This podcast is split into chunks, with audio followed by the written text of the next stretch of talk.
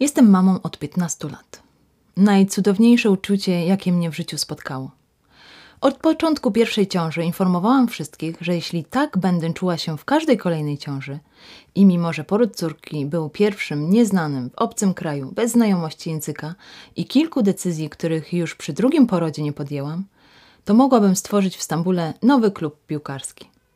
I chyba ojciec dzieci się przestraszył i tym sposobem zostałam samotną matką. Śmieszne, nieśmieszne, w każdym żarcie jest trochę prawdy. Bardzo cieszę się, że moje dzieciaki urodziły się w Turcji, w doskonałych warunkach, w szpitalu prywatnym, z ubezpieczeniem ciążowym. Ale i to nie zmienia faktu, że czeka za drzwiami na ciebie ona, nieunikniona trauma poporodowa. Bo choćbyś rodziła w złotych komnatach, to każda z nas przeżywa jakąś przygodę przy porodzie, która wpływa na późniejszy czas połogu i baby boomu. Ja przy obu porodach straciłam bardzo dużą ilość krwi. Rodziłam naturalnie, córkę przy znieczuleniu, po namowie zespołu lekarskiego i bladego ojca. Przy drugim już mi nawet nikt dyktować nie próbował. Przy szóstce rozwarcia nie śpieszyło mi się do szpitala. To jednak chwilę po odcięciu pępowiny temperatura mojego ciała wzrosła do 41 stopni. Zrobiłam się sina i trzęsąca z zimna jak galareta. Po drugim porodzie byłam przekonana, że to koniec. Przeżyłam i jestem najszczęśliwiej zmęczoną matką na świecie. A przygoda dopiero się zaczyna. Wiesz, nie dla powodu mówią małe dziecko mały kłopot, duże dziecko duży kłopot. Od noworodka poczynając nastolatka po dorosłego, w każdym wieku dzieci stanowią dla nas wyzwanie. Przy bobasach musimy radzić sobie z fizycznym wyczerpaniem, spowodowanym brakiem snu i nieprzerwanym cyklem karmienia, bekania, czyszczenia pupy i pocieszania płaczącego dzieciaka. W okresie niemowlęcym docieramy się z upartą małą osobą, tak bynajmniej nam się wydaje, która jednocześnie próbuje zrozumieć świat i rządzić nim tak samo jak i my. Mój ulubiony czas, mój największy egzamin z radości bycia mamą. I mimo, że lekko nie było, bo nigdy nie zapomnę próby przystawiania do piersi pierwszego dziecka, kiedy modląc się i przeklinając w tym samym czasie, z bólu walczyłyśmy wspólnie razem z córką przy pomocy mojej mamy i siostry. I sama wiesz, że mimo tego, że masz wsparcie, wydaje ci się, że nikt nie może ci pomóc, bo musisz przez to przejść na swój indywidualny sposób.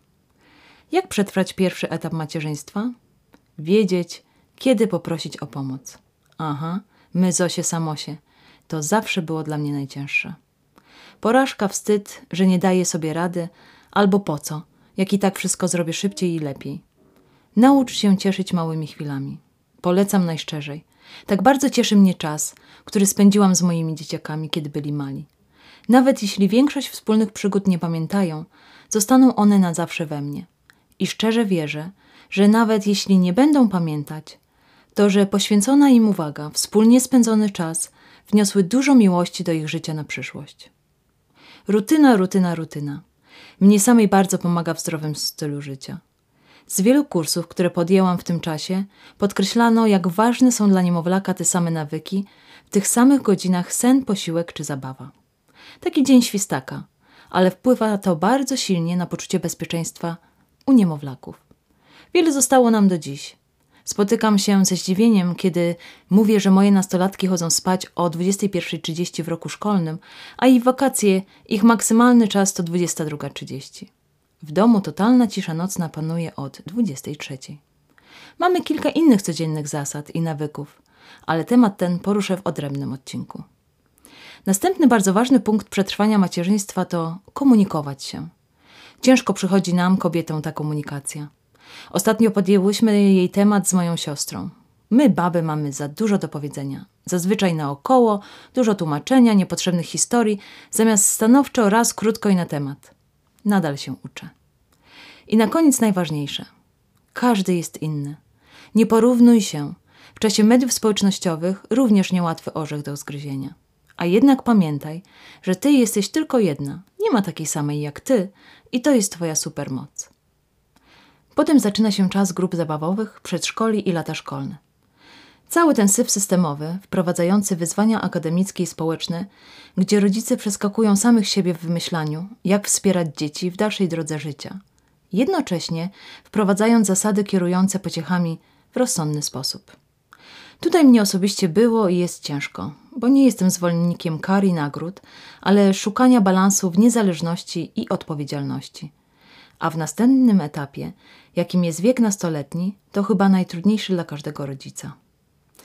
Badania na przykładzie 2000 wykształconych matek przeprowadzonych przez Suni Lutar i Lucy Cisola z Arizona State University wykazały, że średnio matki dzieciaków w wieku od 12 do 14 lat generalnie czują się gorzej niż rodzice niemowląt, dzieci w wieku przedszkolnym, dzieci ze szkół podstawowych i dorosłych. Mamy nastolatków od czwartej do ósmej klasy zgłaszają znacznie mniejszą satysfakcję z bycia rodzicem niż inne mamy. I ja już do tej grupy się zaliczam. Na 11 urodziny córki, składając jej życzenia, rozryczałam się jak bóbr. Opowiadając jej, że te wszystkie super chwile, wspólne zabawy, podróże, aktywności sportowe dobiegają końca. Patrząc bardziej szczegółowo, wspomniane badanie wykazało, że niepokój matek osiąga szczyt, gdy dzieci są w szkole średniej. I co? Już jest ze mną źle. Dopadają mnie zaburzenia lękowe, bo zaraz będę miała dwóch takich pod jednym dachem i to z dwóch różnych grup. Mimo tego, to mamy gimnazjalistów zgłaszają większy stres, pustkę, samotność, niezadowolenie z życia i brak spełnienia, bo zachowania dzieciaków są w tym czasie mniej pozytywne. Dlaczego nastolatki są tak trudne dla rodziców? Ja zgrzeszyłabym, mówiąc, że moje nastolatki są trudne. Nie jest dla mnie wyzwaniem ich wiek dorastania. Niektóre dzieci przechodzą przez ten etap.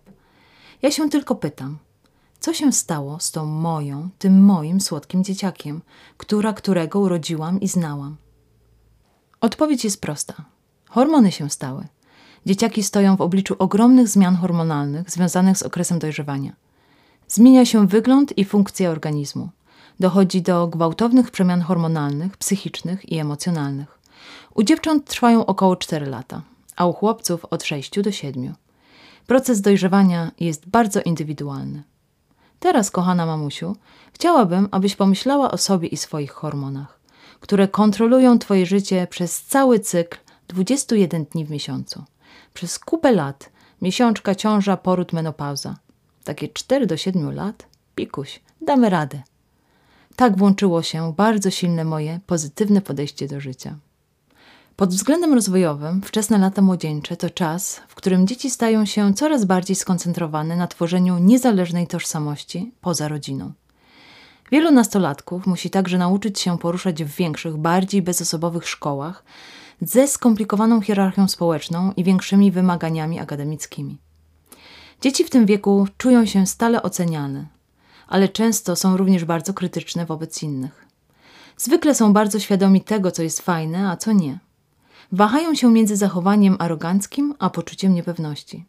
Są kutliwi, a czasem nawet złośliwi, ale też łatwo ich zranić. Mogą być ponure i humorzaste w domu, ale podekscytowane i towarzyskie z przyjaciółmi. Wychowanie młodych nastolatków może być trudne częściowo dlatego, że ich stres ma tendencję do ścierania się na nas.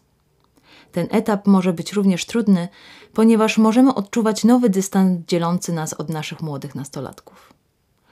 Może to być mylące i bolesne, gdy nasze ukochane dzieci nagle wydają się postrzegać wszystko, co mówimy lub robimy, w najgorszym możliwym świetle. Warczą na nas i zachowują swój urok dla innych. Możemy mieć wrażenie, że błądzimy po omacku, próbując nadążyć za szybkimi zmianami w naszych dzieciakach. Ale możemy też dowiedzieć się, jak poruszać się po tym niezbadanym terenie rodzicielskim. Wyzwania związane z byciem rodzicem nastolatków oznaczają, że jest to szczególnie ważny czas dla rodziców, aby zadbać o siebie, a także o swoje dzieci. Co możesz zrobić? Ja zaczęłam i ciągle nad tym pracuję. Rozwijaj siebie poza byciem matką. Fakt, że twój nastolatek próbuje wprowadzać w twoje życie więcej dozy niezależności, dodaje ci miejsce na zrobienie tego samego. Rozwijanie zainteresowań i przyjemnych zajęć poza rolą matki kokoszki jest satysfakcjonujące i pomaga zachować perspektywę. Podążanie za swoimi zainteresowaniami może nawet poprawić Twoje relacje z dzieciakiem, ponieważ daje Ci coś pozytywnego do rozmowy. Ja zaczęłam ten podcast i pracuję nad samorozwojem i moją pasją sportową. Szukaj wsparcia. Każdy potrzebuje powiernika. Rozmowy z innymi mamami. Słyszenie, że ktoś bliski zmaga się z podobnymi problemami rodzicielskimi, może być uspokajające i pocieszające. Z drugiej strony nastolatki nienawidzą, gdy ich rodzice rozmawiają o nich z innymi ludźmi. Dlatego bądź rozważny w kwestii tego, komu i kiedy się zwierzasz. Zminimalizuj walki o władzę. Wszyscy przegrywają, gdy rodzice i dzieciaki, nieważne w jakim wieku, wdają się w bezpośrednie bitwy. Zachowaj kilka zasad. Proszę i dziękuję i kilka miłych słów działa cuda. Zbyt często używamy naszych najgorszych manier w stosunku do ludzi, których kochamy najbardziej. Zmora człowieczeństwa. Spróbuj uzasadnić to, co ma sens dla Twojego nastolatka. Bądź otwarty na uprzejme negocjacje i spróbuj spojrzeć na sprawy z perspektywy nastolatka. Jeśli to możliwe, powiedz tak lub zaproponuj kompromis. Ja słowa nie używam rzadko i mimo, że ostatnio zapłaciłam i to całkiem słono za tak, to nadal uważam, że najlepszą lekcją jest nauka na własnych błędach. Dokuczanie irytuje wszystkich. Jeśli masz ważny punkt do przekazania, skróć go do jednego zdania. Powiedz, co masz do powiedzenia, krótko i na temat, a następnie wyjdź z pokoju. Wiem, największy problem matki. My nie umiemy jednym zdaniem. Najczęściej kończy się na kilku historiach własnych z czasów bycia nastolatkiem i tysiącu porad. Spróbuj krótko i na temat. Poczekaj. To tylko jeden z etapów. Szybko zapominamy, jak było ciężko na pierwszym etapie za czasów noworodka. Istnieje duże prawdopodobieństwo, że jeśli po prostu będziesz się trzymała i starała pozostać w dobrej relacji, zacznie się ona poprawiać. Zapominaj. Nie wspominaj o przeszłych niepowodzeniach nastolatka. Młodzi nastolatkowie zmieniają się tak szybko, że wszystko, co zrobili w zeszłym miesiącu, zostało zrobione przez zupełnie inną osobę. Staraj się zaczynać każdy dzień z czystą kartką w zeszycie dla swojego dziecka. To jest ten najcudowniejszy czynnik bezwarunkowej miłości. Rozwijać amnezję na wszystko, co wydarzyło się do tej pory i cieszyć każdą obecną chwilą ze swoim młodym człowiekiem. I ostatni punkt. Nie zapominaj. Wychowywać nastolatka jest ciężko, ale być nastolatkiem jest jeszcze ciężej.